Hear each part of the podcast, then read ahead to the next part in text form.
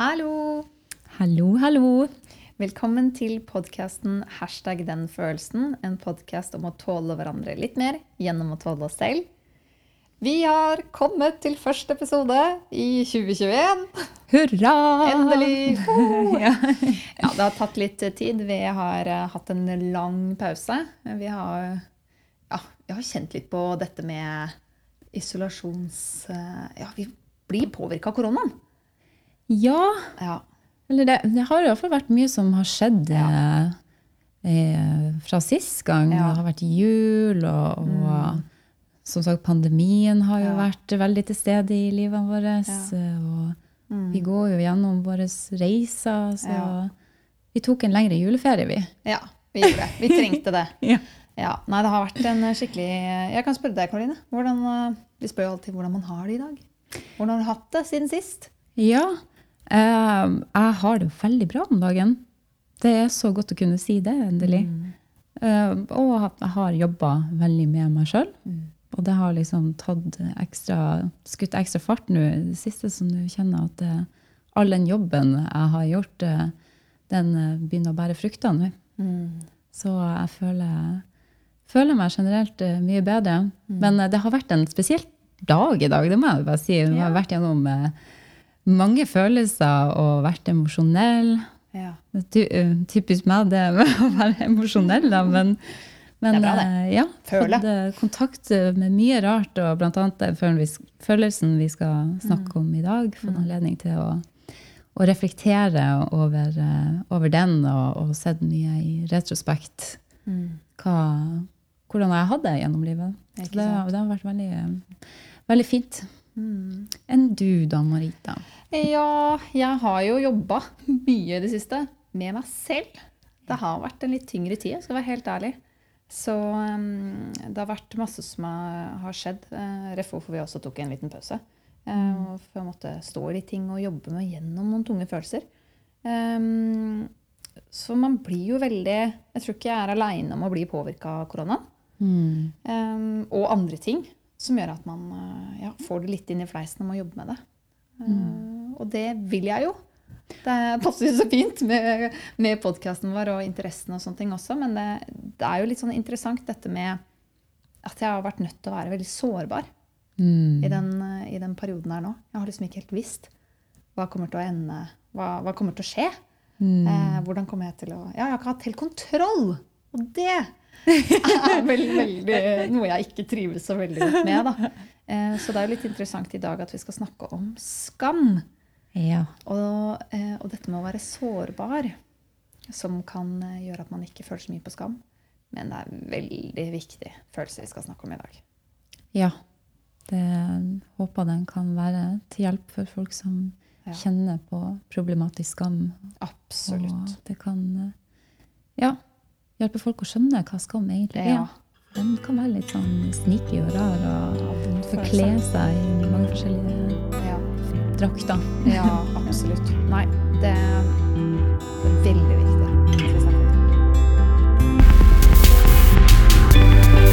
had any feelings left in me at all, it'd be for me.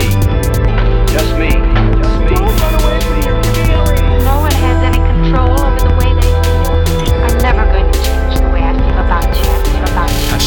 Den følelsen.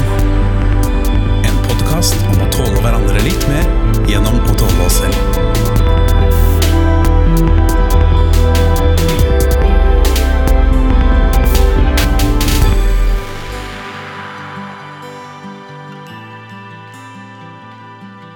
Ja, i dag skal vi jo skam skamme. Skal vi snakke om skam. Eh, og jeg tenkte at eh, vi kan starte som vi alltid gjør, og lese fra Følelseskompasset om skam. Og eh, der skyld er følelsen av å ha gjort noe feil, så er skam mer følelsen av å være feil. Altså dreier det seg ikke bare om at noe du har gjort, men om deg som person, og at du føler at du ikke er god nok, ikke strekker til eller er mindre verdt enn andre. Du kan f.eks. skamme deg over utseendet ditt, noe du ikke får til, eller egenskaper ved hvem du er. Skam handler på mange måter om å være en del av et felles, fellesskap være bra nok for flokken. Du skammer deg når du føler at du er utenfor flokken din, enten dette er samfunnet, familien, vennegjengen, parforholdet eller arbeidsplassen. Skam vekkes også når du har blitt ydmyket, eller når du opplever at noe truer din tilhørighet i gruppen. Årsaken til at vi har skam, er at det har hatt stor overlevelsesverdi for oss å være en del av en flokk. Skam har et dårlig rykte, men er på mange måter limet i et samfunn, mener de. Sunn skam gjør at du forholder deg til samfunnet eller flokken som noe større enn deg selv. Det er som regel ikke bra å være skamløs eller ikke eie skam. Skam oppleves ofte som at du ikke vil bli, eh, ikke vil bli sett av andre. Andres blikk kan føles brennende, du rødmer og du vil synke gjennom gulvet. Mange får vondt i magen eller mellomgulvet. Behovet som er berørt av skam, er tilhørighet til flokken eller bekreftelse, anerkjennelse eller anseelse fra noen som er viktig for deg. Det som gjør skam litt vanskelig, er at du ofte får lyst til å gjemme deg og trekke deg unna, samtidig som behovet er at eh, andre kommer nærmere deg og gir bekreftelse. Mange skammer seg derfor uten at andre oppdager det. Det er vanskelig å vise og fortelle om noe man skammer seg over, men gevinsten kan være stor. Skam oppstår ofte som sekundærfølelse, ved at man skammer seg over det man føler. Eksempel kan man skamme seg over å være redd eller trist. Mange forbinder det å vise følelser med, med svakhet, og da er veien kort til å oppleve skam. Skam er en av de vanligste problematiske følelsene våre. De vanligste årsakene til problematisk skam er at du har blitt mobbet, utstøtt eller har hatt tilbakevendende opplevelser av å bli kritisert, ikke bli akseptert eller forstått som den du er. Mange strever med problematisk skam som stammer fra oppveksten. Ja, så til å snakke om en eh, ganske tung følelse i dag, så har vi en eh, god venn og en eh, Ja, vi har jo også jobbet sammen. Geir. Veldig Jeg gleda meg til å snakke og ha deg her. Så jeg tenkte kanskje at du kunne fortelle litt om deg selv, og så litt om ditt forhold til følelser, Mm. og hvorfor du tror at vi valgte deg, eller spurte deg, å snakke om skam. Ja. Ja, nei, men jeg syns det er veldig spennende å være med her. Eh, Jeg har tenkt ganske mye på det, faktisk. Eh, Og eh, ja, har, jeg vet ikke om jeg har gleda meg, men jeg har, jeg har liksom tenkt at den dagen kommer, og det, det skal bli godt å, å snakke litt uh, om det. Jeg har jo hørt litt på podkastene deres. Så uh, ja, litt intro om meg. Um, Jeg er født og oppvokst på Jessheim. Uh, og vil si at jeg hadde en veldig fin barndom der. Trygt og godt med mor og far og eldrebror og yngre søster og alt det der. Og mye bading i tjernet ved siden av der vi bodde, og ski om vinteren og, og, og alt det der. Så det, det syns jeg har vært eh, veldig fint. Og var flink på skolen. Eh, klarte alltid å oppnå bra karakterer og sånne ting. Så, så det gikk også veldig smertefritt, egentlig. Men jeg hadde en, en sånn rastløshet i meg eh, hele veien, så, så jeg eh, dro ganske tidlig til, eh, på sånn utveksling eh, på videregående. Mm. Og tok utdannelsen min i, i Skottland. Var der i fire år. Eh, og har jobba veldig mye utenlands, eh, eller i hvert fall hatt prosjekter i utlandet eh, i voksen alder. Da. Så eh, det er litt sånn kort om meg og min oppvekst, hvor jeg kommer fra. Eh, når det gjelder hva slags forhold jeg har til følelser, så føler jeg at jeg, at jeg har et veldig godt for, forhold til det. Jeg, jeg, jeg kan kjenne på ganske mye, egentlig. Eh, og er egentlig ikke så veldig redd for det. Eh, jeg kan være veldig glad, eh, og, og også lei meg. Så, så jeg tror jeg er godt kjent med de fleste følelsene, sånn sett. Mm. Det er jeg. Og det siste spørsmålet, det husker jeg ikke. Det, Ja. Hvorfor tror du Ja, Ja. hvorfor er du her for å snakke om skam? ja. Ja, det var vel egentlig en, eh, en liten gåtur som eh, du og jeg hadde, Marita, i, i høst en gang. Mm. Hvor vi snakka litt sammen om alt mulig rart. Og så fikk jeg vite at dere drev med en podkast. Og at dere snakka om eh, følelser. Eh, sekundærfølelsene, eh, primært, tror jeg. Mm. Og så eh, at dere trengte folk eh, til å snakke om de forskjellige følelsene. Og, og da snakka vi litt om forskjellige følelser. Eh, og så tenkte jeg at eh, nei, men skam hadde vært kjempespennende å snakke om. Eh, så derfor tenkte jeg at eh, ja, eh, kanskje det var interessant for dere. Mm. Uh, og jeg har en liten historie og, og, som jeg tror har vært med på å forme meg. Uh, og der har det vært en del skam, uh, vil jeg tro, eh, som har påvirka det. Mm. Så nei, jeg, det tenkte jeg var eh, at jeg hadde litt å bidra med, sånn sett. Ja. Mm. Har du lyst til å fortelle om den historien med en gang? Ja, det kan jeg godt gjøre. Nei, det var um, Jeg tror når jeg var um, kanskje i begynnelsen av tenårene, så kjente jeg at, at jeg var ikke helt med i gjengen. Mm. Det var et eller annet som skurra. På skolen, for eksempel. Og, og jeg, når, folk begynte å få kjærester og sånne ting, så, så kjente jeg at det var um, De følelsene for uh, det motsatte kjønn var ikke der. Uh, og jeg ble mer interessert i samme kjønn. Og det var kjempeskremmende, og jeg skamma meg så innmari, fordi jeg tenkte at det, Jeg tenkte egentlig på at for en gris jeg er. Liksom være, begynne å forelske meg i, i en annen gutt eller en annen mann. Altså det, det var ekkelt. Mm. Så, så jeg levde på en løgn veldig lenge, lata som jeg ble forelska i jenter, og, um, og det var det ingen som catcha den gangen. Og um, ja, og jeg, jeg tror den skammen der, den uh, førte til veldig mye. Uh, for eksempel det at jeg uh, holdt folk på en armlengdes avstand fra meg, fordi jeg, jeg tenkte at hvis de um, Hvis noen kommer for nære, uh, og de snakker med noen andre som har kommet veldig nære, så, så kan de legge sammen uh, to og to og, og avsløre meg, på en måte. Så det var jeg livredd for, uh, og, og tenkte at hvis det kom ut, så ville jeg i hvert fall ikke være del av noen gjeng. Nei.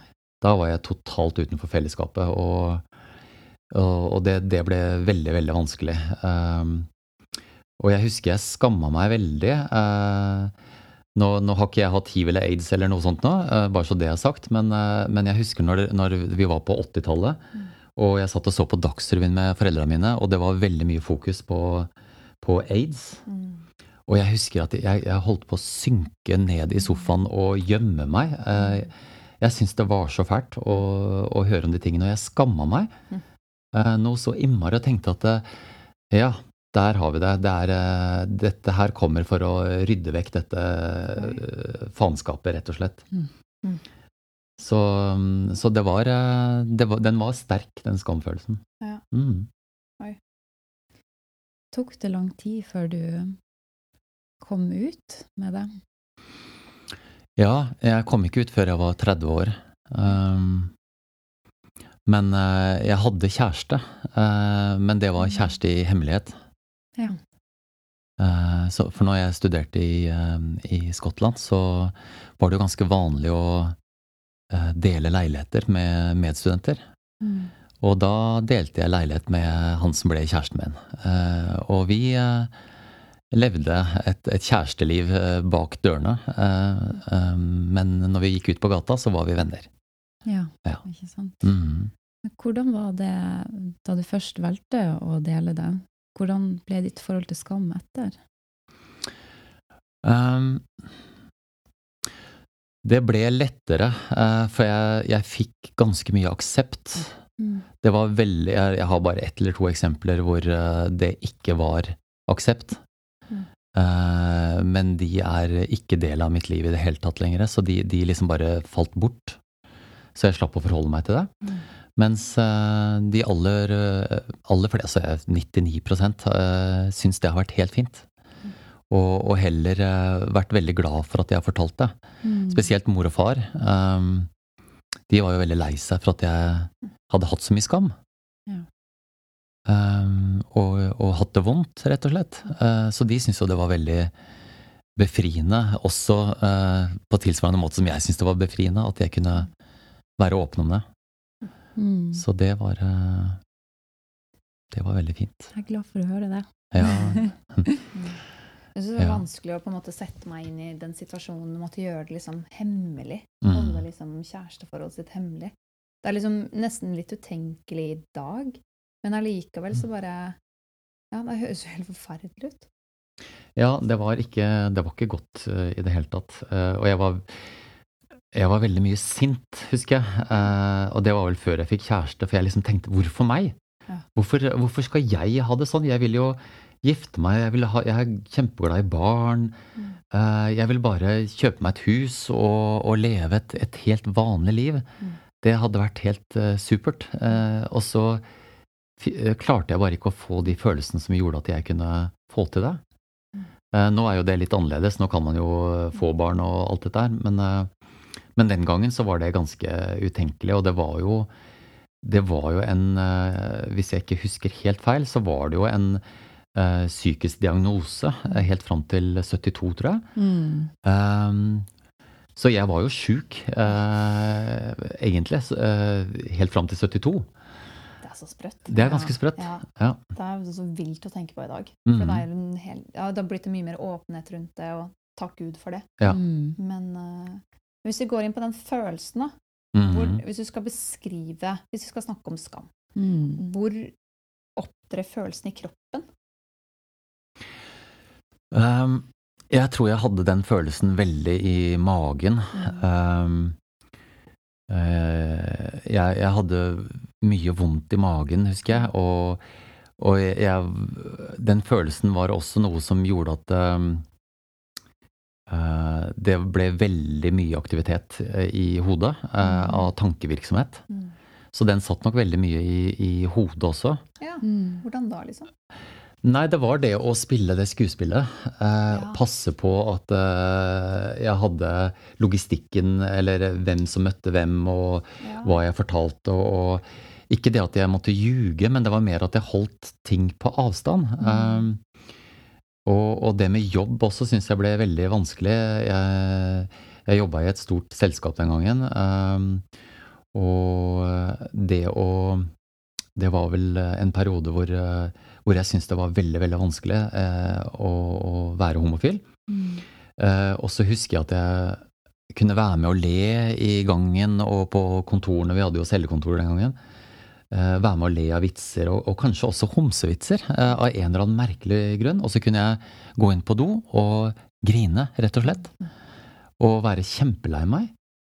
Og så vaske ansiktet og gå ut igjen og late som eh, jeg var med på alt.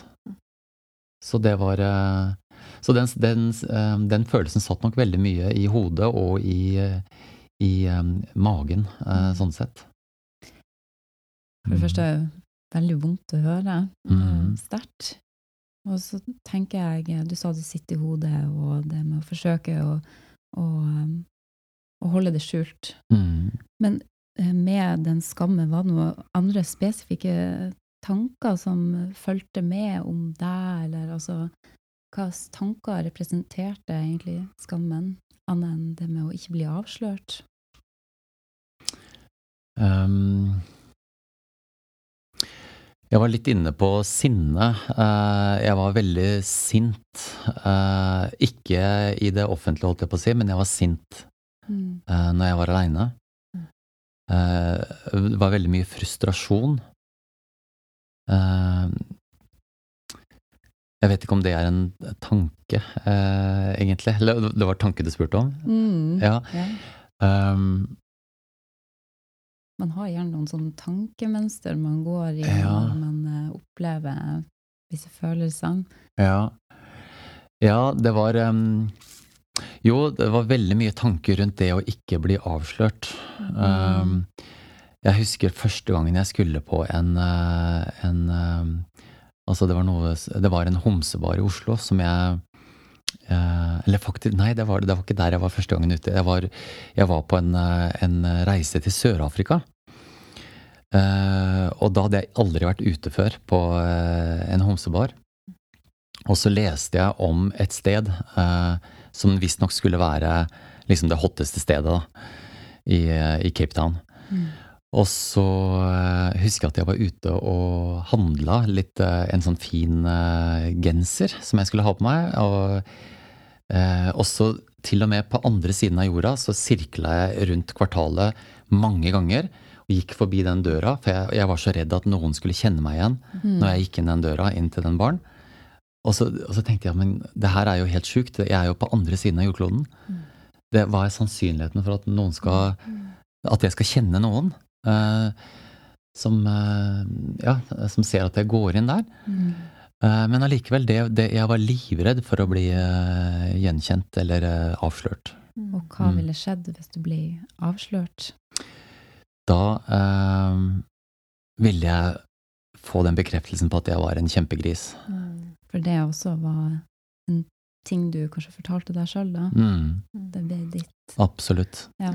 Det var, eh, det var mye um, Det var vel den um, fiktive virkeligheten som jeg lagde for meg sjøl, at det kom til å skje uh, hvis jeg ble avslørt. Mm. At jeg ikke fikk uh, være del av noe fellesskap, at uh, folk ville snu ryggen til meg. Um, og Ja. Det var egentlig bare få bekrefta alle de tingene som jeg, jeg tenkte. Eh, det var i hvert fall det som surra rundt oppi hodet den gangen. Mm. Ja. Det er vel litt sånn Mm. sterk følelse, den skammen, for det sier jo på en måte at du er feil. Mm. Ikke sant? Så den Mm. er så sterk. Jeg kjenner jo igjen fra å sitte i situasjoner der skam har kommet opp, og så skjønner jeg logisk at nå bør jeg snakke om det. Men hele kroppen bare stritter imot og sier Mm. 'ikke gjør det'. Mm. Det der er farlig. Mm. Hvis du gjør det, så på en måte setter du deg i fare for å bli utstøtta. Mm. Eh, og, og hele kroppen gjør jo motstand. Mm. Den er ekstremt smertefull. Um, liksom jeg kan kjenne igjen i dette med at det er liksom veldig mye vondt i magen. Jeg fortalte jo i forrige um, i den episoden om følelsen av ikke ville leve, for da snakka om skam, at jeg hadde en opplevelse av skam. Jeg kunne se meg selv og ja, rett og slett bare se hvor latterlig og håpløs jeg var. Og når jeg liksom dykka inn i skam, så kjente jeg på hvor, hvor em emosjonelt vondt det var. Mm. Og spesielt rundt mage, mageregionen. Mm. Eh, og at man ikke skal snakke om det. Mm. Ikke, ja, ikke snakk om det. Mm.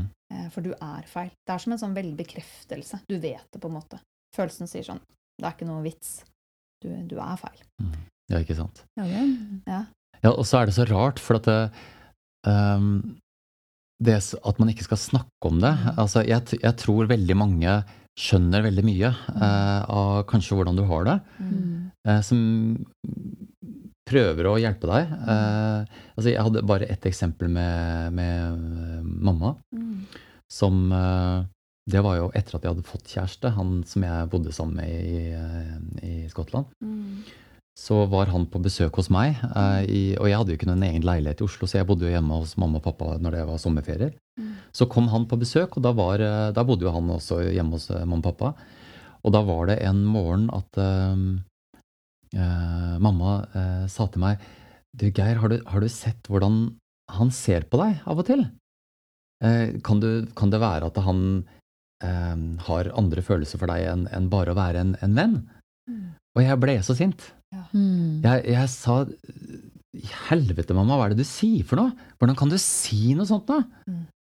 Han er min aller beste venn, og så sier det sånn. Og jeg, jeg liksom ordentlig denga løs på henne sånn eh, med ord, da. Ja.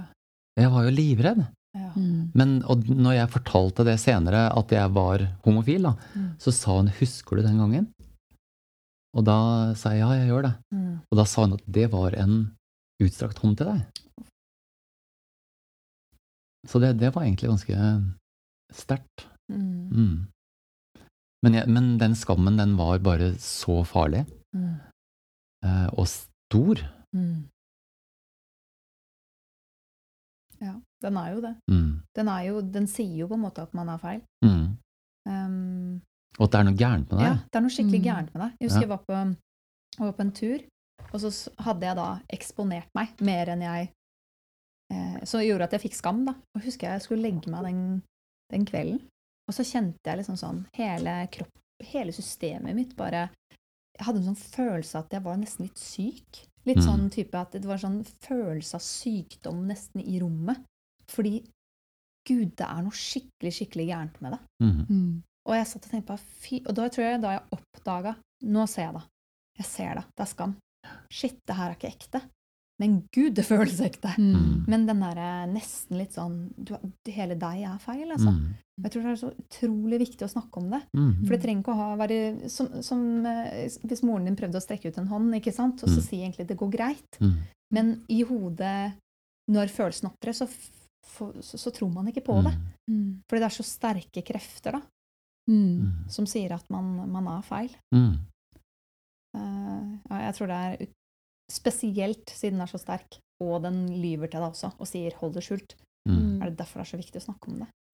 Ja, når uh, I dag tidlig så Mm. reflekterte jeg litt eh, rundt skam, da. Uh, og det slo meg at uh, Eller det er en følelse jeg syns er litt sånn vanskelig. Det er først de siste årene at jeg har skjønt egentlig hva skam er. Det har bare vært. Det har bare opptredd i, i kroppen min. Men jeg har ikke klart å, å satt fingeren på det. Mm. Det har bare ikke føltes bra. Og um, ja, hva det var du sa, Marita, at du, det, du tror på det. Så jeg klarer ikke helt å skille mellom følelse og det som er virkelig. Mm. Så det slo meg at eh, ok, jeg har på en måte kartlagt og funnet ut at jeg har mye skam, og de siste årene har fått sett på det. Men jeg har skamma meg hele livet, Mm. Eh, og bare ikke forstått det, Mm. hva, hva det egentlig var. Mm. Og så plutselig at uh, Gud, uh, jeg eh, ble en Miss Norway for uh, ti år siden eller noe sånt. Og det er noe som jeg egentlig ikke liker å dele, og syns det er litt ekkelt å dele det nå òg. Mm. Og grunnen til det er jo fordi jeg har skamma meg noe voldsomt over det. Og det å liksom skjønne hva det er som har gjort at jeg har følt det sånn, det ble en utrolig befrielse å bare se ok, hva, hva er grunnen til at det, det har føltes så vondt, og man har følt seg så feil. For jeg tror det er veldig mange som bare ikke forstår at det er skam de går og bærer på, Mm. og gjerne blir sint. Du ser gjerne barn som, som eh, hvis de får skjenn eller noe, så kan de gråte, eller de kan bli sint tilbake, eh, reagere på forskjellige vis da. Men gjerne kanskje sekundærfølelser, hvis det er det, men Ja. er egentlig skam de føler. Mm. Så det å liksom få plassert det litt og skjønne at ok, det er skam, Mm. men man trenger ikke å tro på det som følelsen på en måte vil, eller gir deg en følelse av å være. Mm. Men al- altså at det da er mulig å skille Mm. fra hvem du er og hva du føler. Ja. Mm. Og så den der skamfølelsen den er så ydmykende også. Og så vil man jo liksom, nesten så hvis man blir pirka borti det, og man skammer seg, så vil man jo beskytte seg selv. Jeg hadde det bare senest i går, jeg. Så var det rett og slett et eller annet jeg, jeg, jeg fikk litt sånn Jeg opplevde det som kritikk, da, fra kjæresten min. Som kanskje ikke egentlig var det, men jeg tok det til meg som kritikk. Og så skamma jeg meg over det. At jeg følte meg dum, eller jeg følte meg liksom at jeg hadde vært litt egoist, eller ja, rett og slett Skammen begynte å komme i kroppen og begynte å fortelle meg masse at eh, eh, du er dum, du er teit. Og så begynte jeg å beskytte meg. Jeg begynte til og med å, å si du var dum. Og så begynte jeg å liksom gå litt sånn verbalt, ikke sånn ille, men litt løs på, på, på kjæresten min. da. Og si liksom Det var måten du sa det på, du sa sånn og sånn. Samtidig, inni hodet, skjønte jeg at han hadde truffet noe fra før. I meg. Og det var så vanskelig å liksom bare klare å stoppe og si sånn Du, jeg vil egentlig ikke ha en krangel med deg nå. Du bare traff noe som gjorde veldig, veldig vondt. Eh, og det er det jeg egentlig prøver å si. Men jeg liksom klarte ikke Så jeg fortsatte å være litt sånn kjip. Mm. Jeg følte meg som sånn fireåring, sånn skikkelig trass fireåring som bare Du skal også være litt teit, eller jeg skal få deg til å føle deg teit. Til slutt så klarte jeg å si ja, det er ikke det jeg prøver å si, da. Jeg prøver å si at det var vondt, og at jeg føler Og så sa jeg jeg skammer meg. Jeg skammer meg, jeg føler meg liten og dum. Mm. Og da kunne han si ja, men du er jo ikke det. Mm. Ok, nå fikk jeg den bekreftelsen. Og så klarte jeg å kommunisere hva jeg egentlig ville, da. Og da fikk jeg jo trøst. Og da følte jeg meg plutselig ikke så dum lenger. Det er sånn, ok, herregud. Det var eh, rett og slett det som skjedde. Da. Mm. Men det er, Så jeg kjenner en andre ville beskytte seg selv. Mm. Fordi dette veldig skamfulle, det må beskyttes for For man tror at hvis det blir eksponert, så, eh, så kan det være farlig, eller Jeg vet ikke hva som skal skje. Mm. En eller annen fantasi om at eh, det må, det må ikke skje. Mm. Mm. at man lager seg mange strategier i hverdagen i livet for å unngå de her triggerpunktene og dekke over, skjule. Og ja, som sagt, jeg, jeg har eh, fått meg mange aha-opplevelser da, hvor jeg har gått og fortalt meg sjøl at jeg er ikke bra nok, og, og funnet måter å kompensere på med å være en, en pleaser og gjøre folk til laks, eh, for jeg, Jeg føler at jeg må liksom gjøre noe ekstra Ja. Mm. for å veie opp mot. Så når jeg da skjønte at det, ja, det er skammen som på en måte har drevet meg i den retninga, egentlig bort fra meg sjøl, Mm. Jeg skjønte det, så var det så mye lettere å kunne jobbe med de her eh, coping-mekanismene, da, Mm. som eh, egentlig har bare vært snubletråder for min egen del, og ja, gjort at jeg til slutt fikk det veldig vondt med meg sjøl. Mm. For det blir jo en sånn void man går og, og til slutt Mm. føler på. Ja, jeg- og jeg, jeg tenker litt på det du sier med å please andre. Den, den kan jeg kjenne meg litt igjen i. For det eh, man, man blir litt uh, i tvil om hvordan man skal agere, da. Uh, for å nettopp høre til.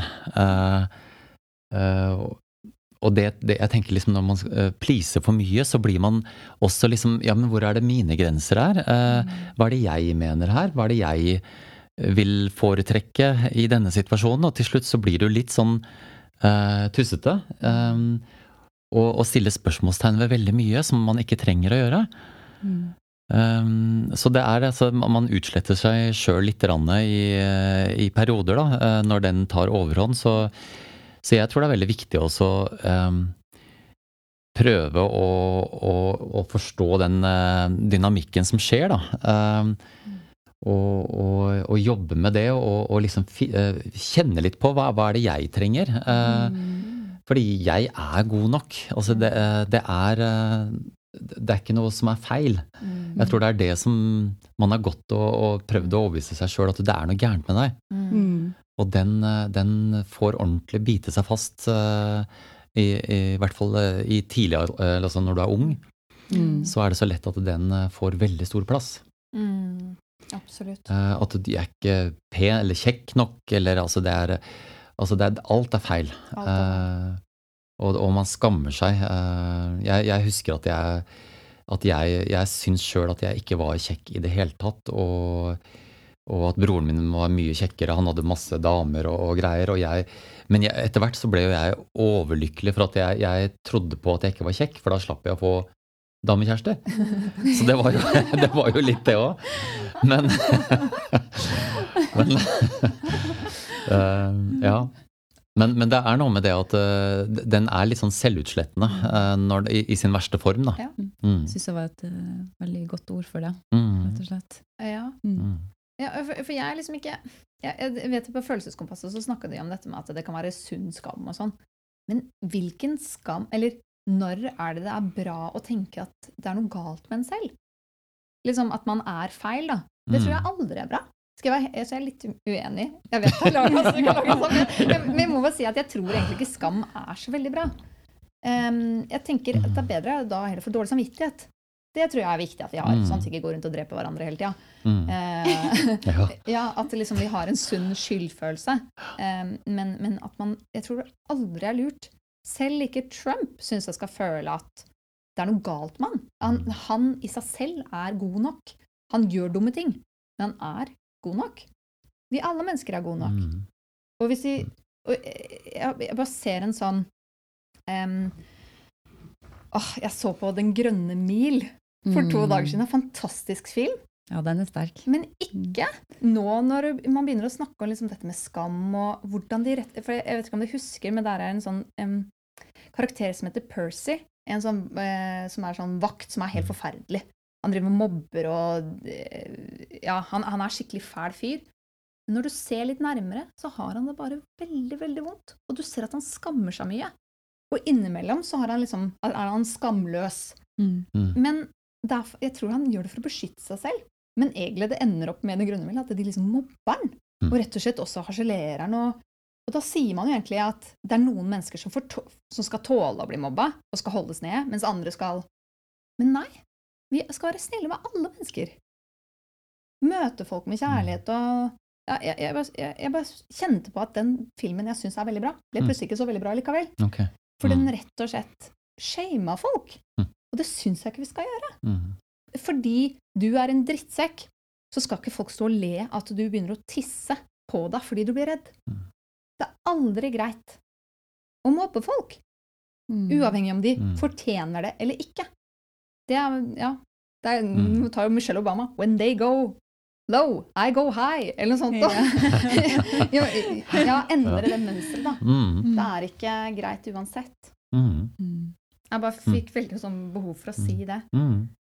Men jeg kjenner eh, For jeg tenkte liksom når du sier at er det noe positivt med skam, eh, og, og jeg tenkte eh, sånn eh, Med en gang du sa det, så tenkte jeg ja, det, hvis det er en rettesnor, så er det jo uh, fint. Men, men da tenker jeg den dårlige samvittigheten er kanskje et, et bedre ord på det enn Ja. enn at det er skam. Men det er noe annet, ikke Ja. sant? For det sier Mm. 'jeg har gjort noe galt'. Mm. Sånn som vi, sier, sånn som vi leste i sted.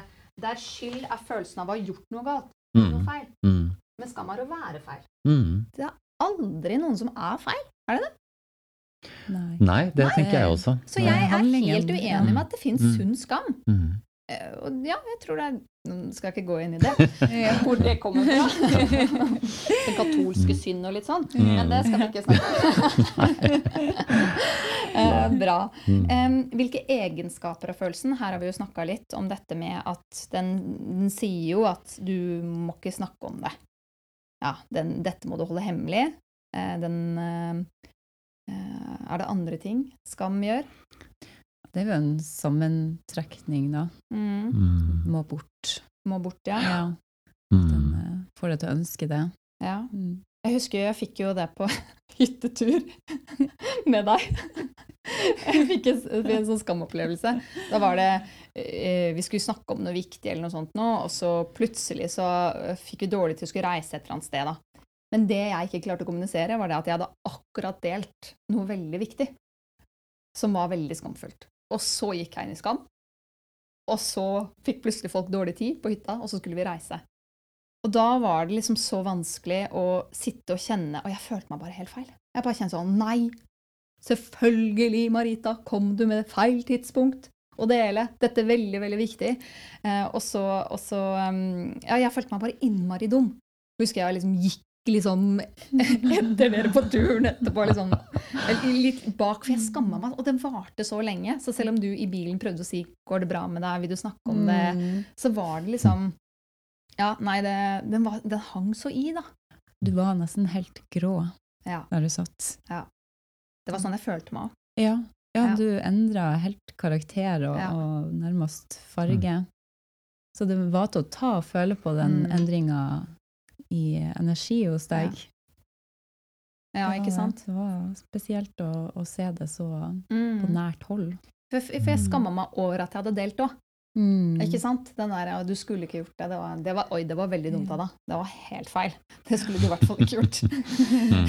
og man er liksom nesten på nåde for de rundt. Mm. Om de ser deg og sier sånn eh, Ja, sånn som vi snakka om før, de må si takk for at eh, du deler, eller Mm. Mm. eh, oi, jeg vil høre mer.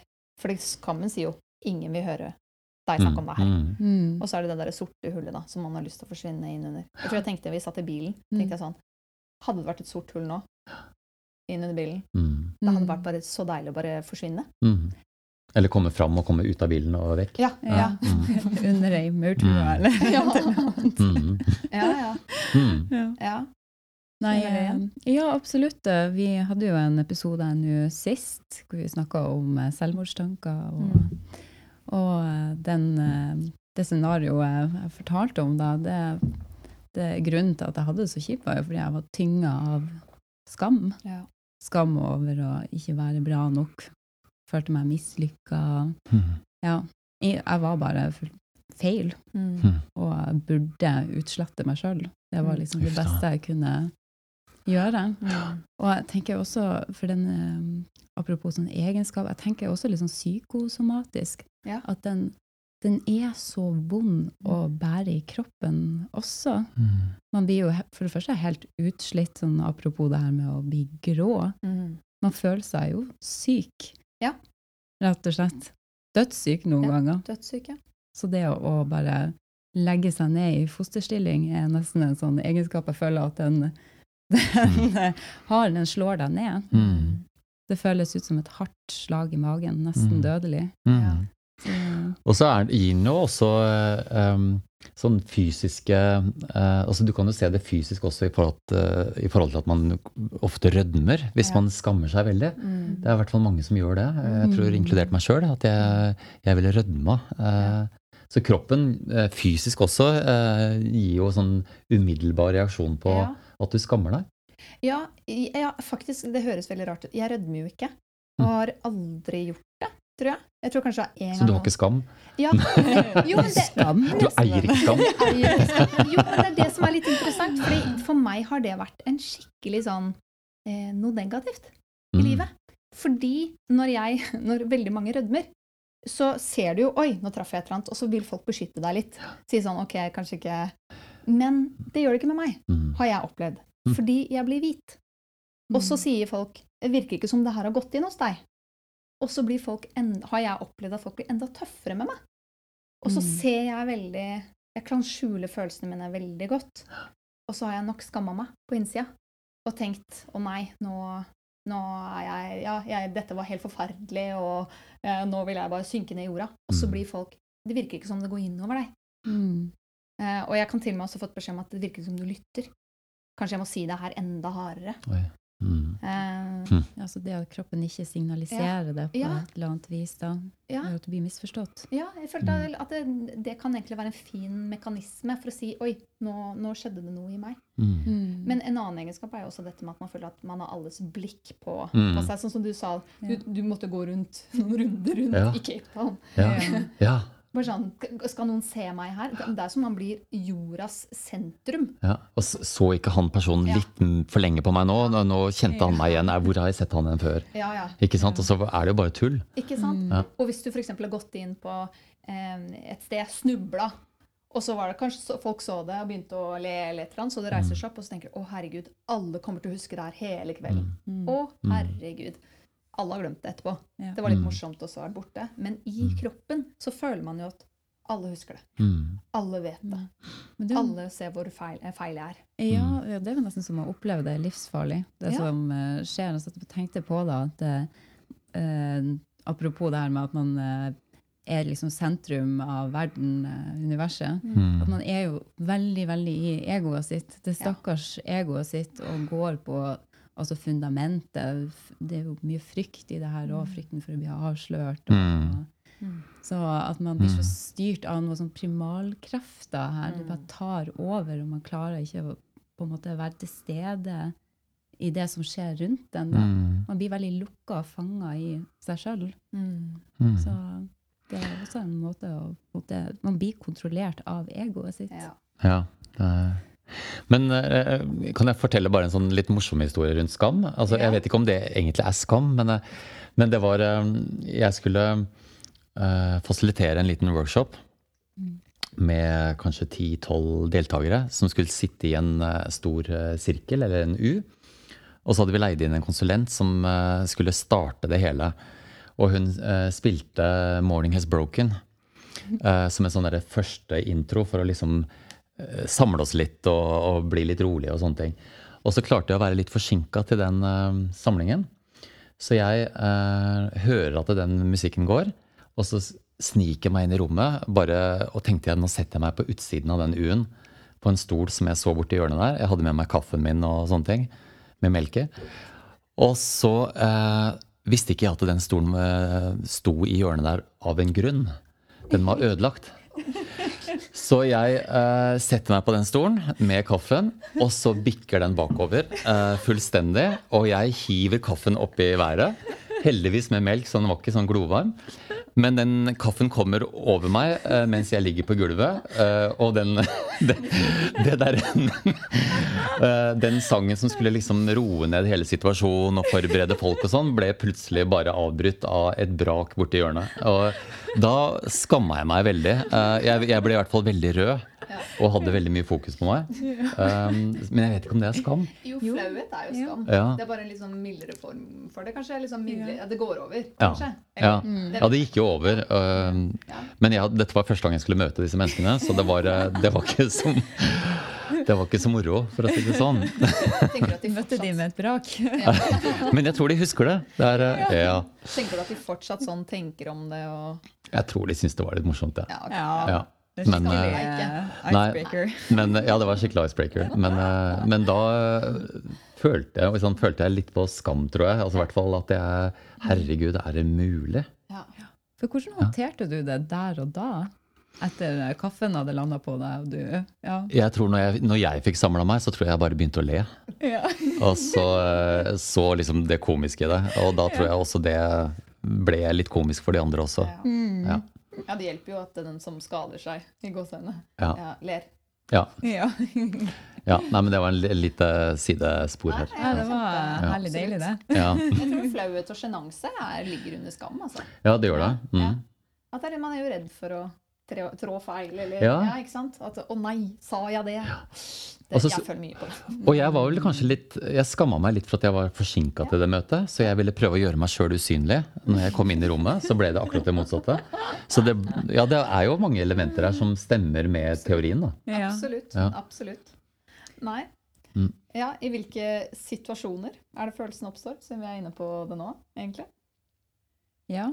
Ja. Det er jo situasjoner når man føler man har feila litt. Ja, Mm. feil er. Men så er jo spørsmålet da hvem som bedømmer at man har feila. Mm. Det er jo gjerne en sjøl som oftest. Det kan jo være sånn eksterne ting òg, at det faktisk er reelt. Mm. Men ofte så er man jo sin verste kritiker og ja, vurderer seg Mm. ned og under, Mm. som regel. Mm. Så det er litt sånn feile barometer eh, gjerne Ja. det går ut ifra. Ja, og jeg tenker eh, også mm, kanskje mer i vår tid, altså den tida som er nå, med sosiale medier og sånn, som legger den lista ekstremt høyt eh, i forhold til hvordan vi skal se ut, hvor trente vi skal være, eh, hvor aktive vi skal være på fritida. Det, det, altså den lista er bare kjempehøy nå. Så hvis ikke du kommer inn under den, eller kommer over den lista, så, så kan det nok hende at det er mange som føler på den skammen, som du sier, at man feiler litt. Ja, ja. Absolutt. Så Ja. jeg bare tenkte på igjen det der med konkurransen jeg var med på den missegreia. Ja. At eh, ja, selv om jeg vant det her Jeg syns fortsatt det er helt jævlig å si det. jeg liker ikke å dele det. Men jeg gjør det nå bare for å teste meg sjøl litt. Bare sånn ha det sagt. Ja, ja, vi jo om det. Ja. Mm. Men det var ikke godt nok at jeg hadde vunnet og fått den ytre bekreftelsen. For jeg var en failure, eller jeg var jo ikke verdig den tittelen der. Det var jo det jeg satt og, og følte på. Og det vokste jo bare større og større jo flere som fikk vite om det her. Og jeg måtte liksom ja, stå til kjenne og, og ja, ansiktet mitt kom utad. Så ble det bare desto verre, egentlig. Det var, oppleves ikke som Det er interessant. For det, da hadde du jo fått en ordentlig bekreftelse på at du eh, var godt innafor. Ja. ja. Og faktisk best. Ja, jeg trodde ikke på det. Det føltes ikke riktig at jeg skulle være der. Så det hadde jo egentlig ikke noe å si, den, eh, hva de utenfra utenifra sa. Og det, fortsatt så sliter jeg jo litt med sånn å ja, bare være fornøyd med det, eller tenke at ja, det var, det var riktig. Mm. Så det, det er noe med hvordan man vurderer ting også, da. Mm. Være veldig- Så egentlig så er det du som setter den terskelen, eller det, det målet på hva som er failure, da. Selv om du får bekreftelser utenfra at det, det stemmer ikke. Ja. Mm. Jeg tror det er vanlig at folk gjør det. Mm. Man kan eh, være så flink i noe som bare det, Mm. men fortsatt så er det ikke bra nok. Mm. Det kunne vært Ja. bedre. Ja. Ja, absolutt. Ja, det, er litt sånn, eh, det er jo en bok en fanta Det er jo eh, en av de mest kjente forskerne på, på skam og sårbarhet. Hvis du ikke har lest boka 'Daring Greatly' av Brené Brown, så bør du gjøre det, kjære lytter. Det er den beste boka jeg noen gang har lest. Du må bare komme da over de første 100 sidene, for det er litt kjedelig i starten. En litt sånn erkeamerikansk. Eh, Men når du kommer gjennom det, så lover jeg deg, den er eh, ja, endra livet mitt, må jeg helt klart si. Men da snakker da også litt om forskjellen mellom menn og kvinner og hva de skammer seg om. Og faktisk dette med utseende, det er jo en kjempetrigger for, eh, for oss damer. da. Mm. At man kan aldri være pen nok. Det er til og med forskning på eh, hva vi tror gutter liker, er, er så off. Ja. Ja, vi har ikke liksom innsikt i hva gutter egentlig vil ha, da. Som eh, Ja. Gutter som liker jenter. Eh, Men, mens menn er ganske spot on på hva de tror jenter liker. Ja. Ja, Så dere har mer liksom justert, da. Mens vi har et veldig feil eh, eh, selvbilde, altså. Vi tror vi er stygge uansett. Selv om du vinner Miss Norway-tittel, så tror man ikke at man er pen nok. Og det er litt Mm. interessant. Mm. Jeg syns det er veldig ja, spennende å snakke om. Jeg synes dette er et tema vi har snakka om før. Jeg syns det er kjempeinteressant. ja, og det er jo også et sånn resultat av at skammen har fått tatt bolig Mm. i meg eller i andre Ja. over så lang tid. Mm.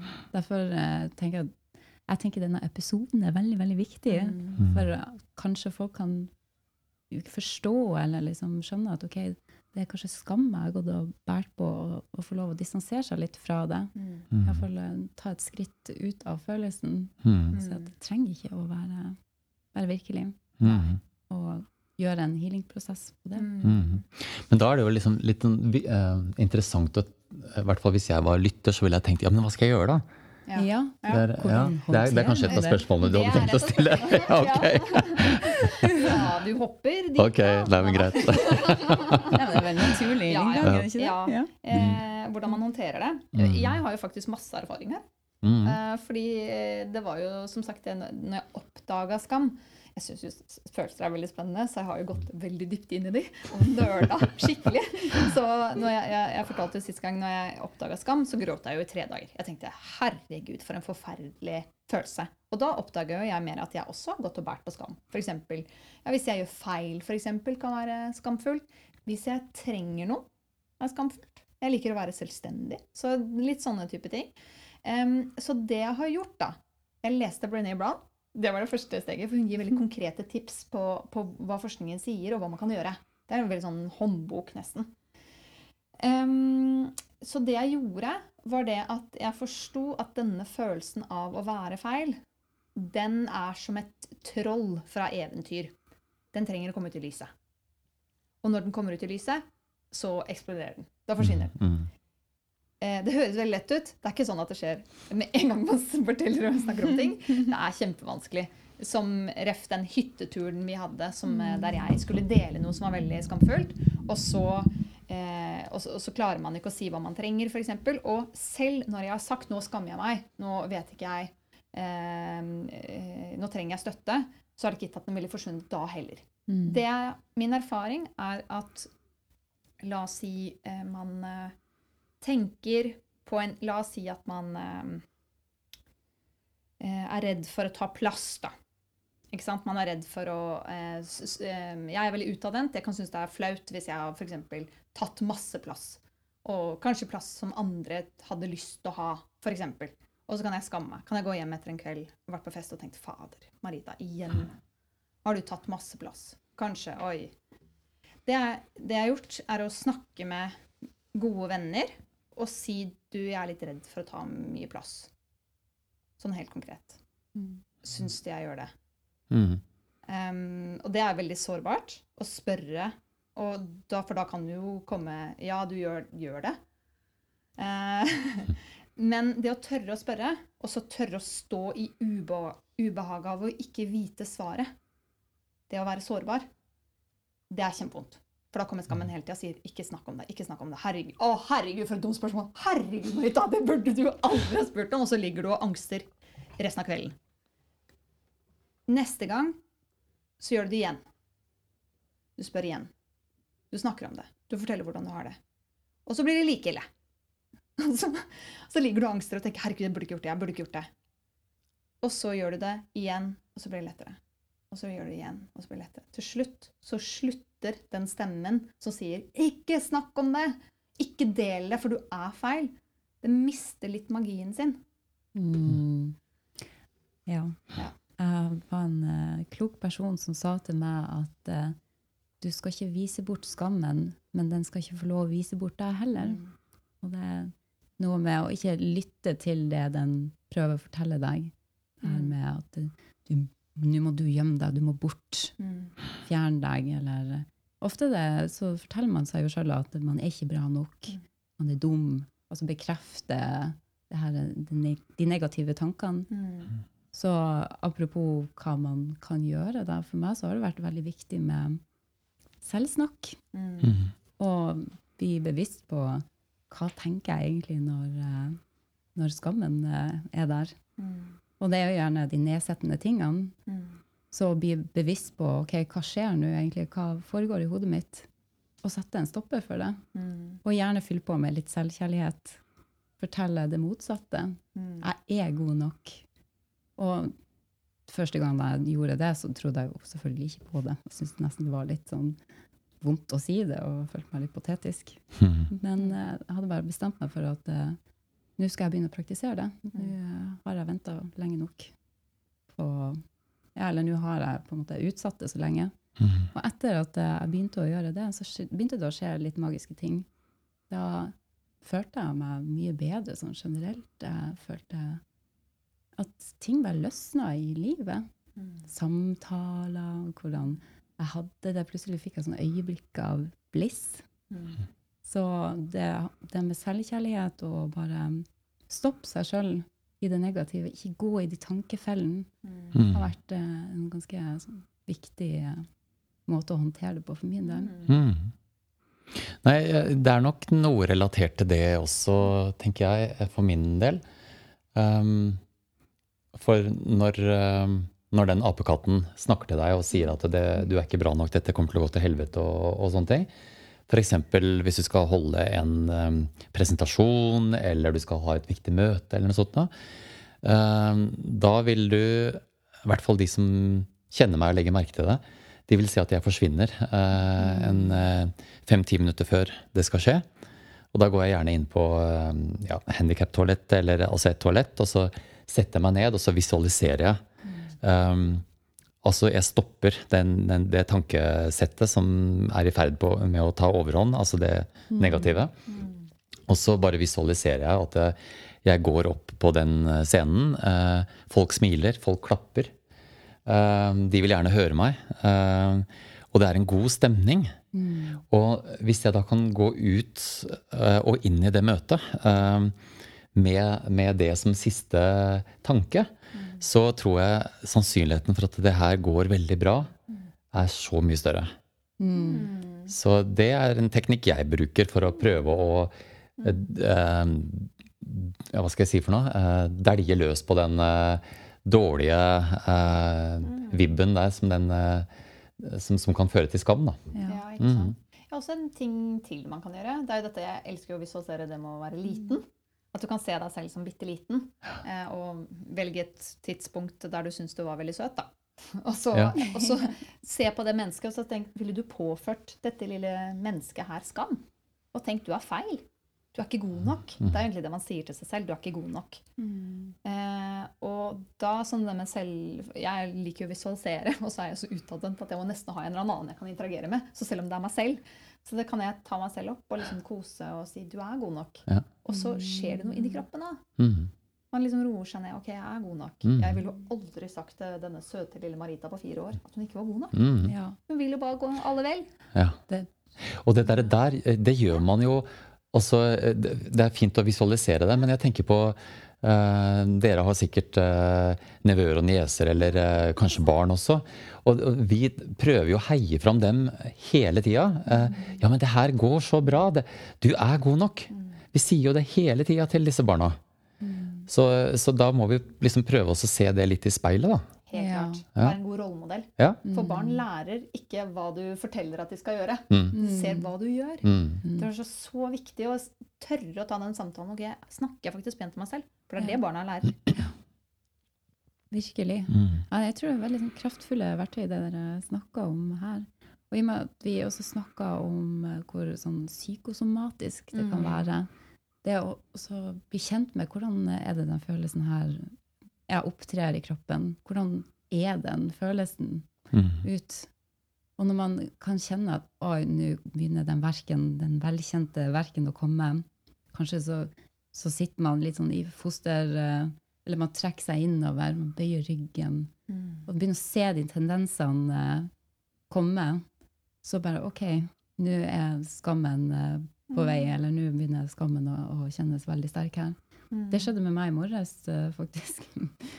Jeg fikk eh, mange åpenbaringer med skam eh, denne dagen.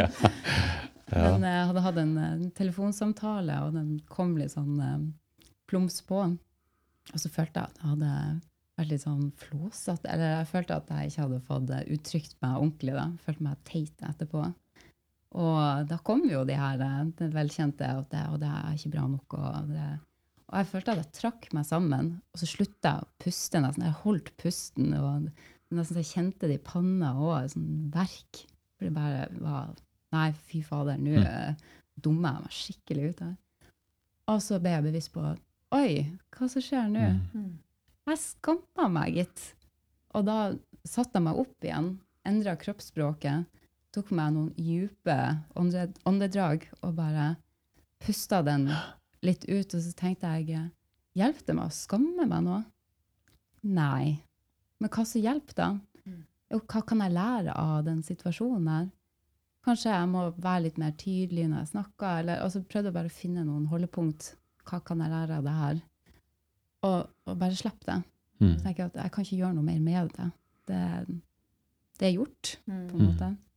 Det tar jo litt tid å komme dit, da.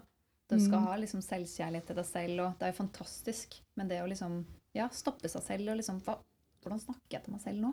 Mm. Og ja, det med Ville jeg snakka egentlig til meg selv som liten? Jeg ville snakka til noen andre sånn her? Nei, jeg vil jo ikke det. Mm.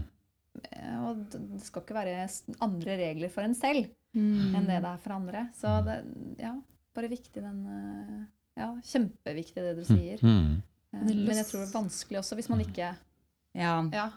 hvis man akkurat begynte å bli kjent med det. Altså. Ja. Ja. Jeg kan i hvert fall føle det hvis jeg for eksempel, Mm. før når jeg fikk kritikk, tok det så jækla personlig. For jeg var så redd for at da er jeg ikke god nok. Jeg hører en sånn stor alarm som sier sånn da, Herregud, nå blir du avslørt, nå er du ikke god nok, du er ikke god nok. Og, og, og det er rett og slett å liksom utvikle sånn teknikk sammen med kjæresten. Da. At han må si sånn Men jeg er glad i det. ja. Selv midt i en krangel, bare sånn Jeg skal ikke dra fra deg. Jeg bare, «Åh, åh», For det jeg hører bare. Å nei, nå, nå blir jeg Jeg er ikke god nok. Jeg er ikke elskbar. Og, og når han da kan parere det med å si jo, det er du. Jeg sa bare at du skulle ta oppvaska. Ja, det var en dum ting. jeg krangler ikke om det, men allikevel. Eh, ja, jeg hører noe annet. For det går rett på selvbildet. Går rett på om jeg ikke er god nok. Og det er veldig sårbart. Mm. Og veldig vondt. Og da krever det den styrken å si sånn OK, jeg føler at jeg, jeg er god nok. Ja. Og da kan man ta imot. Mm. For hvis ikke så vil man jo bare synke. Litt sånn som med kroppsspråket. Synke sammen og bare ja, alt spente seg. Mm. Ja. Mm. Men det er også innmari kraftfullt med pust. Mm. Bare bli bevisst på at ja, hvordan puster man? For gjerne så slutter man å puste litt. Mm. Ja. Det blir bare overfladisk, og, og man mister litt den der kontakten med, med seg sjøl gjennom Mm. det også. Så det å bare ah, rette seg opp igjen og, og kjenne på det som holder oss i live, pusten, oksygenet, Mm. at det får lov å komme til deg. Og så får man lov å bli litt sånn klarna i hodet igjen. Mm. Mm. Jeg tror det kan være en fin måte å regulere, regulere litt, i hvert fall. Mm. Og da er det jo veldig fint å, å være bevisst på hva som skjer fysisk med en, sånn at man kan fange opp de signalene. Ja. Og faktisk uh, tenke ok, hva er det kroppen trenger nå, eller hva er det jeg trenger nå for å Ja. reversere det som skjer nå? Eller kanskje få det, føle det bedre. Ja. Og gjøre akkurat det som du sa, da. Med å rette deg opp og kjenne litt på pusten og ja, og så videre. Mm. Det var veldig bra. Mm. Vi snakka jo om det i stad, det var i garderoben. Dette med liksom, for Når du sa den telefonsamtalen du hadde hatt, så fortalte jeg om noe jeg hadde gjort i helgen som jeg hadde eh, fått så dårlig samvittighet over. Jeg hadde tatt en spøk til venninne, og så ble jeg kjempelei meg for at jeg var så redd for at hun skulle ta det personlig. Ja. Eh, for det var bare en spøk. Og så tenkte jeg at jeg mente ikke det, og, og jeg gikk og kverna. I sånn to dager. Bare kverna, kverna, kverna. Og da begynte vi å snakke om liksom, ok, eh, skamma du deg, eller følte du dårlig samvittighet? For da kan du liksom merke på forskjellen. For skammen sier nei, jeg har bare lyst til å gjemme deg, jeg har lyst til å glemme deg, jeg har lyst til å eh, ja, forsvinne. Mens dårlig samvittighet, da har du lyst til å ringe. Mm. og si Gjøre opp for deg. unnskyld. Ja, si Mm. unnskyld. Så jeg sier jo unnskyld før jeg nesten har satt meg ned. eh, Fordi man skal være føre var. For det Mm. verste som kan skje, er at noen blir såra. av noe jeg sier. Jeg er så redd for det. Men det skal vi snakke om masse om i dårlig eh, samvittighet og skyldfølelsesepisoden. Eh, men da kan du merke, det er det kult det du sa, at da kan man merke egentlig ok, hva skjer i meg nå? Mm. Er det skam jeg føler? Er det sinne? Jeg har til og med også blitt sånn varm i hele kroppen. på, Faen, jeg er jo sint! Mm. Jeg trodde jeg skamma meg, men egentlig så er jeg bare sint. Men kan, kan man skamme seg over at man skammer seg? Ja, Ja, det kan ja, ja. ja, ja. vil jeg tro. Det vil jeg tro. Ja. Jo, den, Den er litt verre å komme ut av. Ja, den der, ja. ja, men for eksempel det å føle seg på en måte svak, da. Sånn som eh, det- å liksom eh, skammer seg, og så 'Å nei, nå gikk jeg ned i fella igjen'. Nå Mm. følte jeg det. 'Å nei, nå følte jeg det òg'. Liksom det er en spiral som går, da. Ja. Det er jo ikke noe deilig spiral. Ja. Men det å tørre, tørre å sitte i den og si 'OK, det er det som skjer'. Mm. Mm. Nå skal jeg bare sitte helt rolig. Kanskje eventuelt snakke med noen. For det, vi har jo et spørsmål der.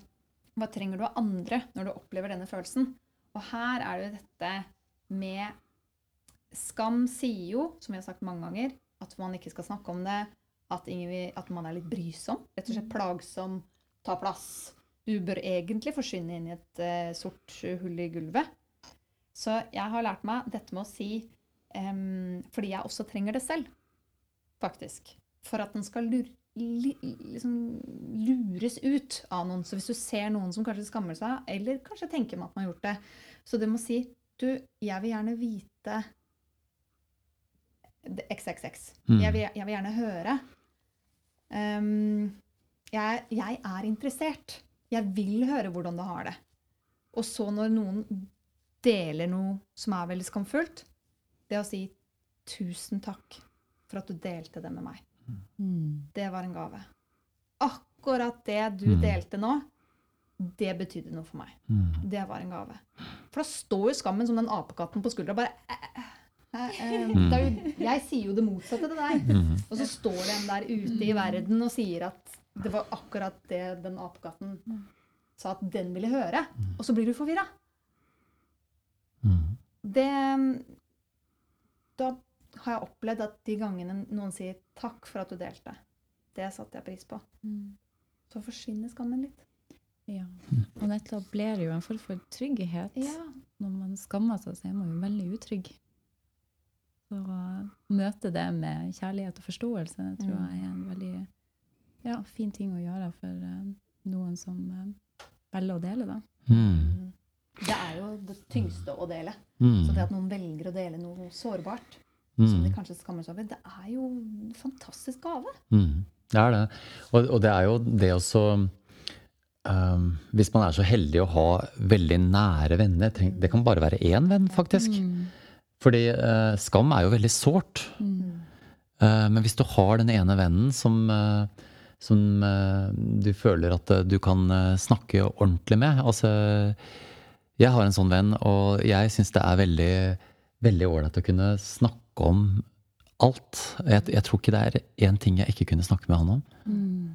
Og, og jeg, jeg tror vi har snakka om ting som vi har skamma oss over. Det er ganske sikkert. Nå kan ikke, jeg kan ikke akkurat huske eksempler på det. Uh, men uh, men, men det, det å ha en sånn venn hvor du, du, hvor du kan åpne opp og, og være sårbar, det tror jeg er, uh, som du også sier, Marita, det er veldig bra å dele. Kjempeviktig. Jeg tror det er den eneste måten å få skammen ut. Mm, For å få, som sagt, få den ut i lyset, sånn Mm. at trollet kan eksplodere. Jeg har jo det i deg, Karoline. Mm, Jeg er jo veldig heldig og har flere rundt meg som jeg kan dele, men Mm. du var en av de første jeg begynte å dele ting med. Også fordi du er, er flink til å lage den tryggheten og um, Også kanskje så at jeg skamma meg. Du er kanskje den eneste som, som, som, som eh, forsto meg litt. Mm. Eh, Så, så forbi at jeg ikke rødma. Det var mye gjenkjennbart. Ja, ja. Ja. Jeg følte Kjenner meg igjen i deg òg. Så er det noe med den gjensidige tryggheten vi har skapt Mm. for hverandre. For du har jo også vært min klippe, og en som virkelig har møtt meg med alt jeg har trengt. Mm. Så det har vært eh, en fin sammenfletning eh, av både sårbarhet og ja, det med å komme nær. Mm. Det er jo det man Mm. ønsker og trenger. mm, Bare komme nær, selv om følelsen sier at man er liksom den rare i flokken som ingen vil ha, eh, egentlig. Men så vil man jo bare finne ut at man ikke er det, ikke sant? Ja, er ikke det rart med den Ja. følelsen? Mm. At uh, man er livredd for å miste sin plass i flokken, men den får deg til å trekke deg bort Ja. likevel. Mm. Så den jobber imot deg, Ja, ikke sant? egentlig. Og det er den derre eh, konstante justeringa. Er jeg for mye, er jeg for lite? Altså hele veien den derre balansegreiene. Men kan du ikke bare slappe av? Og så ja, ja. Og jeg, ja, men jeg er sikker på at det er eh, mer enn godt nok eh, i de fleste søsken... Eller ikke søskenflokker, i de fleste eh, venner... eh, Ja, i de fleste flokker. Ja, så er det det. Ja. Mm.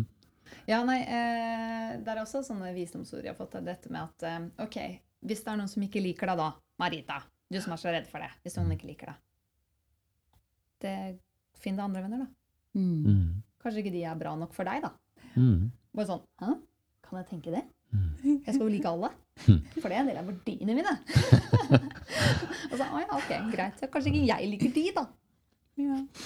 Ja, Hvis ikke de liker meg. Hvis ikke jeg kan være meg selv. For jeg vil jo at alle skal få lov til å være seg selv. Vi har så mye sånn høflighetsgreier og gjør oss til veldig mye. Vi er veldig redde for å bare være oss selv. Jeg er inkludert. Ja, ja, Mm. samme her. Og Mm. det er så morsomt det her med at eh, man gjør jo ofte det som ikke hjelper. Når en veldig enkel leveregel er 'gjør det som hjelper', Mm. da løser så mye seg. Mm. Men ofte så velger vi de, de vanskelige utveiene. Mm. Hvis det nå er en utvei i det hele tatt på det, da. Mm. Når man går de retningene. Ja.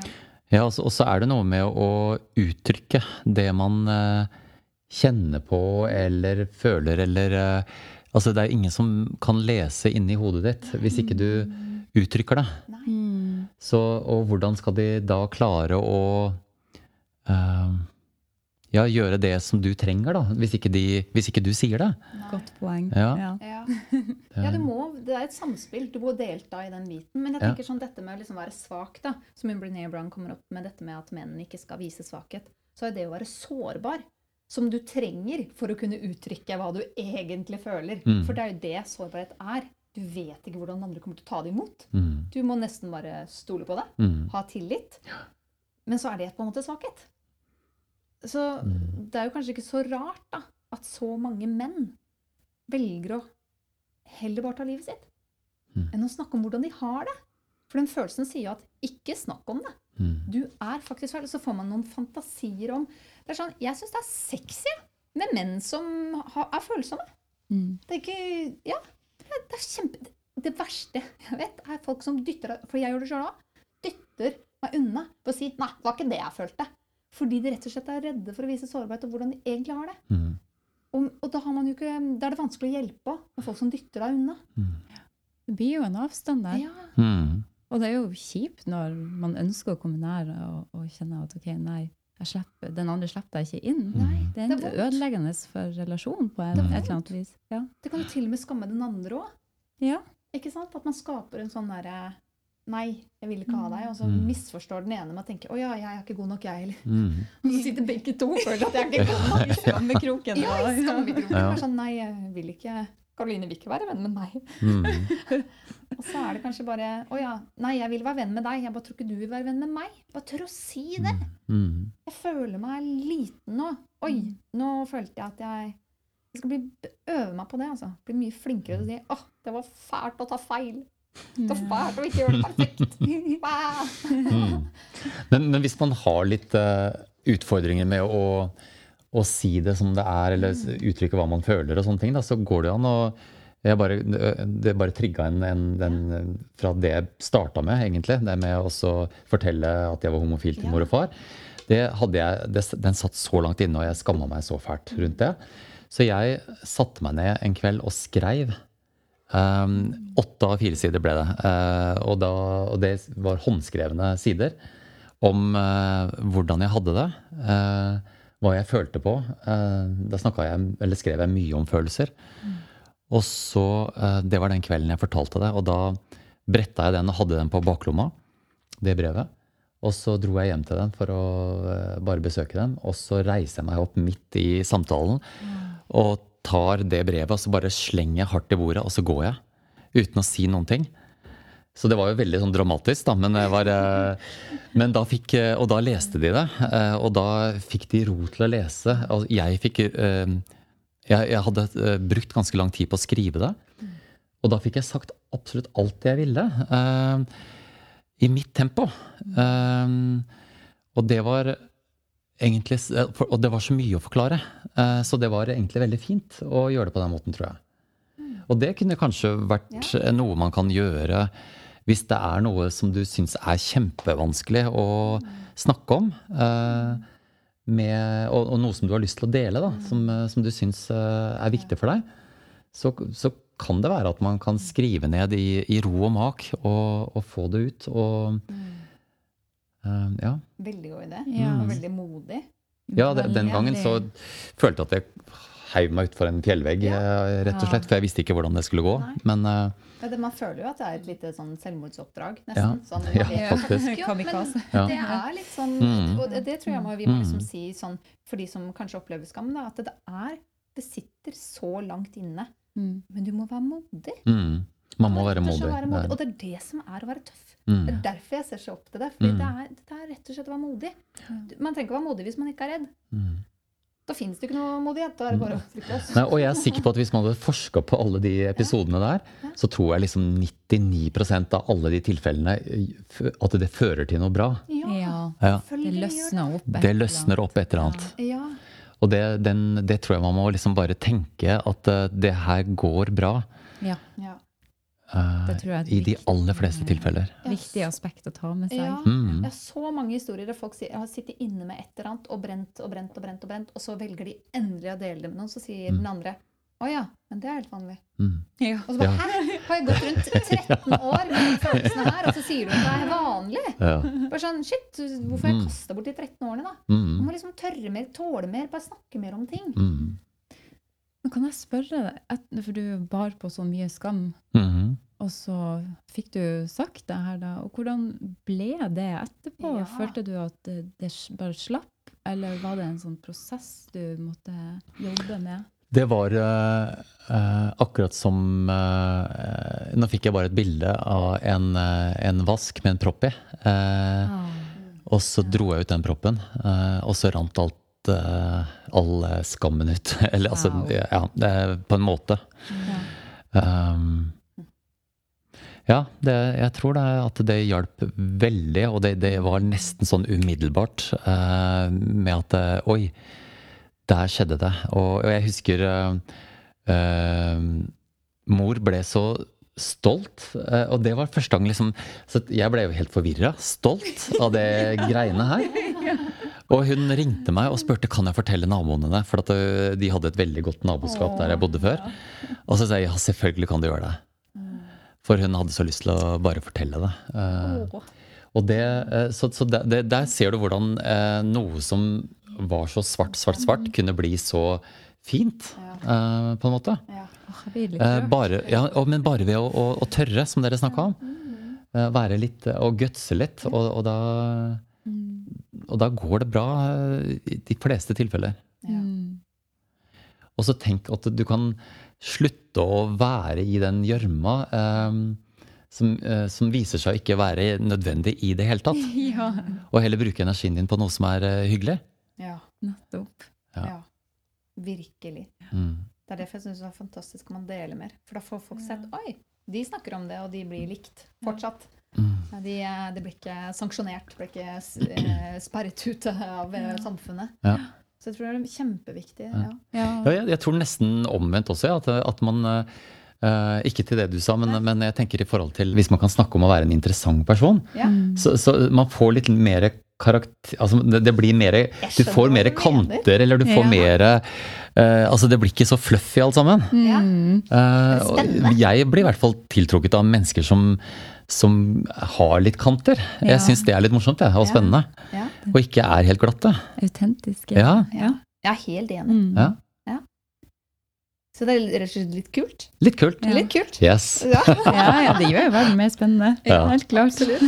Mm. Mer fargerik. Mm. Så der har vi jo enda en greie. liksom at eh, Få vekk den uh, skamdritten, og så bli eh, Ja. Sexy, rett og slett. Ja.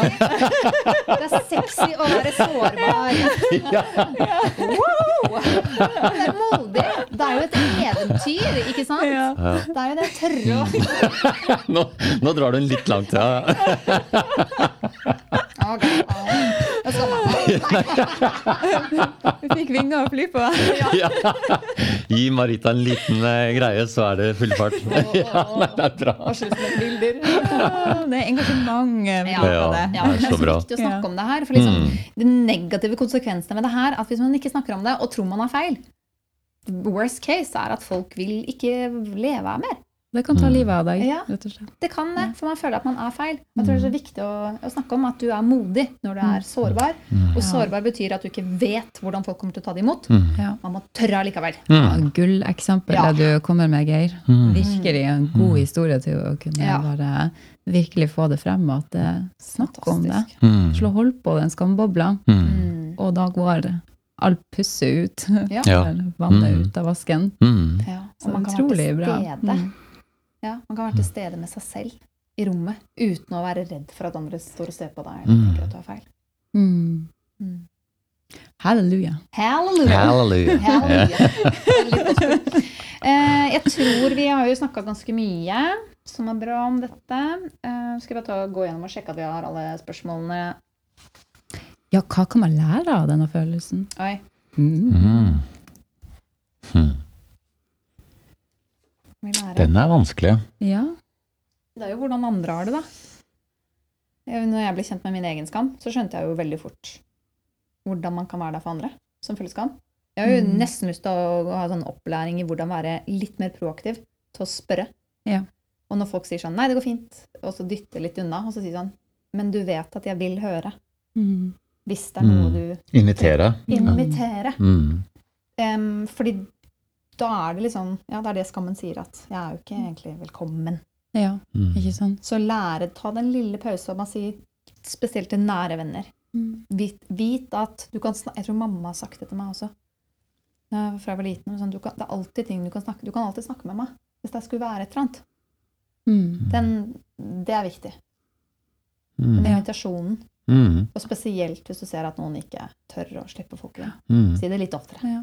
Ja, og jeg tenker liksom det, ja, eh, det man kan lære av, av skammen jeg, jeg tenker på Kanskje man kan lære litt av de signalene som skammen ofte gir, da. mm. I forhold til at man puster litt dårlig eller rødmer eller altså et eller annet. Så du er flink til å eh, fange opp de signalene.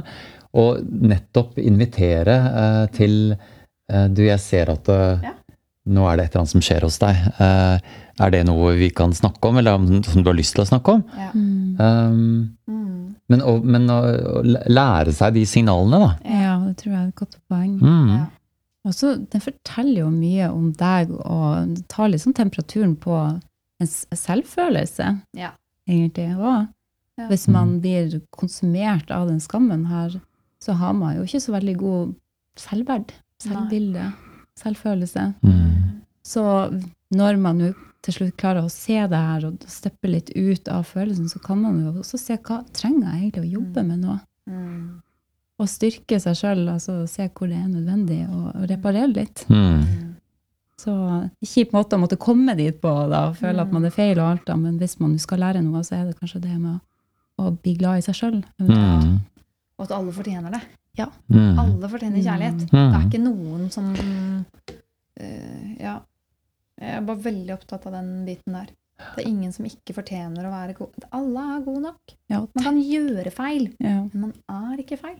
Så der er jeg veldig uenig. Ja. ja, jeg tror uh, verden vil være et mye mer harmonisk sted hvis man lærer Ja. seg det. Eller kan tenke det, alle sammen. Absolutt. Ikke sant? Vi Mm. alle vil være en del av en flokk. Og jeg tror noen, hvis de har blitt så skamma eller ydmyka fra de var bitte små, Mm. til slutt så tenker de at de ikke trenger noen. Og da kan det være vanskelig å spørre om den hjelpen. Jeg tror de som vi tror fortjener minst kjærlighet, er de som trenger mest kjærlighet. Ja. Mm. Fordi de har fått så lite at de ikke klarer å kjenne det igjen.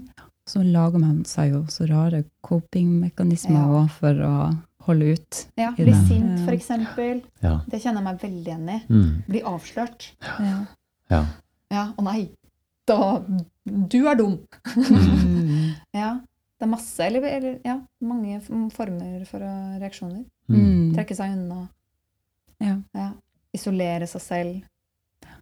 Så man kan jo lære av altså se på de atferdsmønstrene som du Ja. var inne på, da, de signalene der som eh, er skam. Mm. Lære altså hvordan er jeg egentlig, hvordan eh, beveger jeg meg i verden. eh, Så jeg får Mm. litt oversikt. og så kan det jo være litt sånn at når du um, har vært i den skamløypa eh, og kommet deg ut av det, at du tar deg tid til å føle litt på eh, Ok, nå er jeg ikke Nå skammer jeg meg ikke over det lenger, eller at jeg har snakka med noen om det. eh, og kjenne litt på den følelsen det gir etterpå. Ja. Um, og kanskje det kan inspirere til at man kan bli litt tøffere, da. Uh, I det å dele. Så man, skal, man kan kanskje lære litt av, av, av den reisa man er på, i forhold til å håndtere skam. Absolutt. Ja. Virkelig. Der jeg kommer jeg igjen inn på det favorittsitatet mitt. At eh, for et tre skal vokse til himmelen, så må det ha røtter i helvete. Så Ja. man blir jo sterkere jo lenger ned røttene går. Ja. Er sterkere blir du til å vokse oppover. Mm. Og, og det er jo som alle andre følelser, det å lære seg å håndtere de. Ikke sant? Så øh, hvis man har øh, hatt angst, ikke sant? så det med liksom, når jeg har lært meg å håndtere frykten, så skjønner jeg også hm, gjelder dette for alle andre følelser også? At de har en sånn type mekanisme som jeg må bare forstå. Sånn som skam. Ja, den sier ikke snakk om det, men jeg vet at den lyver.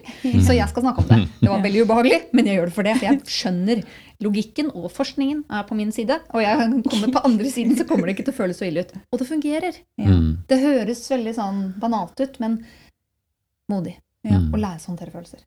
Og da trenger ikke skam å være så skummelt lenger. Nei! Da kan man romme den. Den er egentlig litt fin. Ja.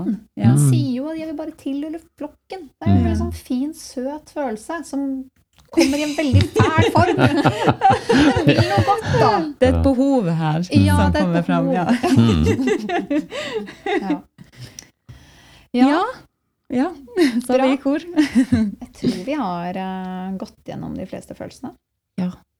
Tror du, er de fleste spørsmålene? Ja. Ja. Ja. Selvfølgelig. De fleste spørsmålene. Ja. Eh, noe du vil si til slutt? Nei, jeg syns det har vært veldig spennende å være med på en podkast. Dette er min første podkast, by the way. Uh, Tatt jomfrudom. Bølgen rundt eh, mikrofonen her. Ja. Eh, Nei, men jeg syns det, det her var kjempespennende å, å snakke om. Uh, eh, Litt skremmende også før jeg gikk inn døra, men eh, da, da var det Ja, det, det var kanskje en skamfølelse jeg kjente på. For det, liksom, jeg tenkte at oi, nå er det folk som skal høre på det her. Mm. Wow! Tenk hvis de ikke liker dette her. Ja. Tenk hvis jeg blir avslørt. Eh, ikke, jeg vet ikke hva det skulle være akkurat eh, nå, men, eh, men eh, det var litt av den skamfølelsen jeg kjente på akkurat i det, vi, eh, det du spurte meg første gangen. Ja. Da måtte jeg bruke litt tid. Ja. Men det her var jo bare gøy. Ja. Ja. Det var utrolig Ja. fint å prate med deg. I Ja. like måte. Ja. Ja, det var kjempe, kjempefint, og du deler så mange kloke ting og masse Mm. erfaring som kan være til inspirasjon. ja, Så tusen takk, Geir. Tusen takk. Takk for at du deler.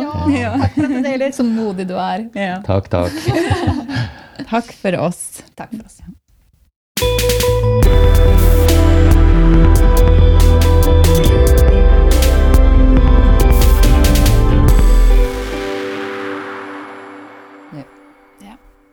Ja, Karoline, da har vi nettopp hatt Geir her inne og snakket om skam, en ganske ufin følelse.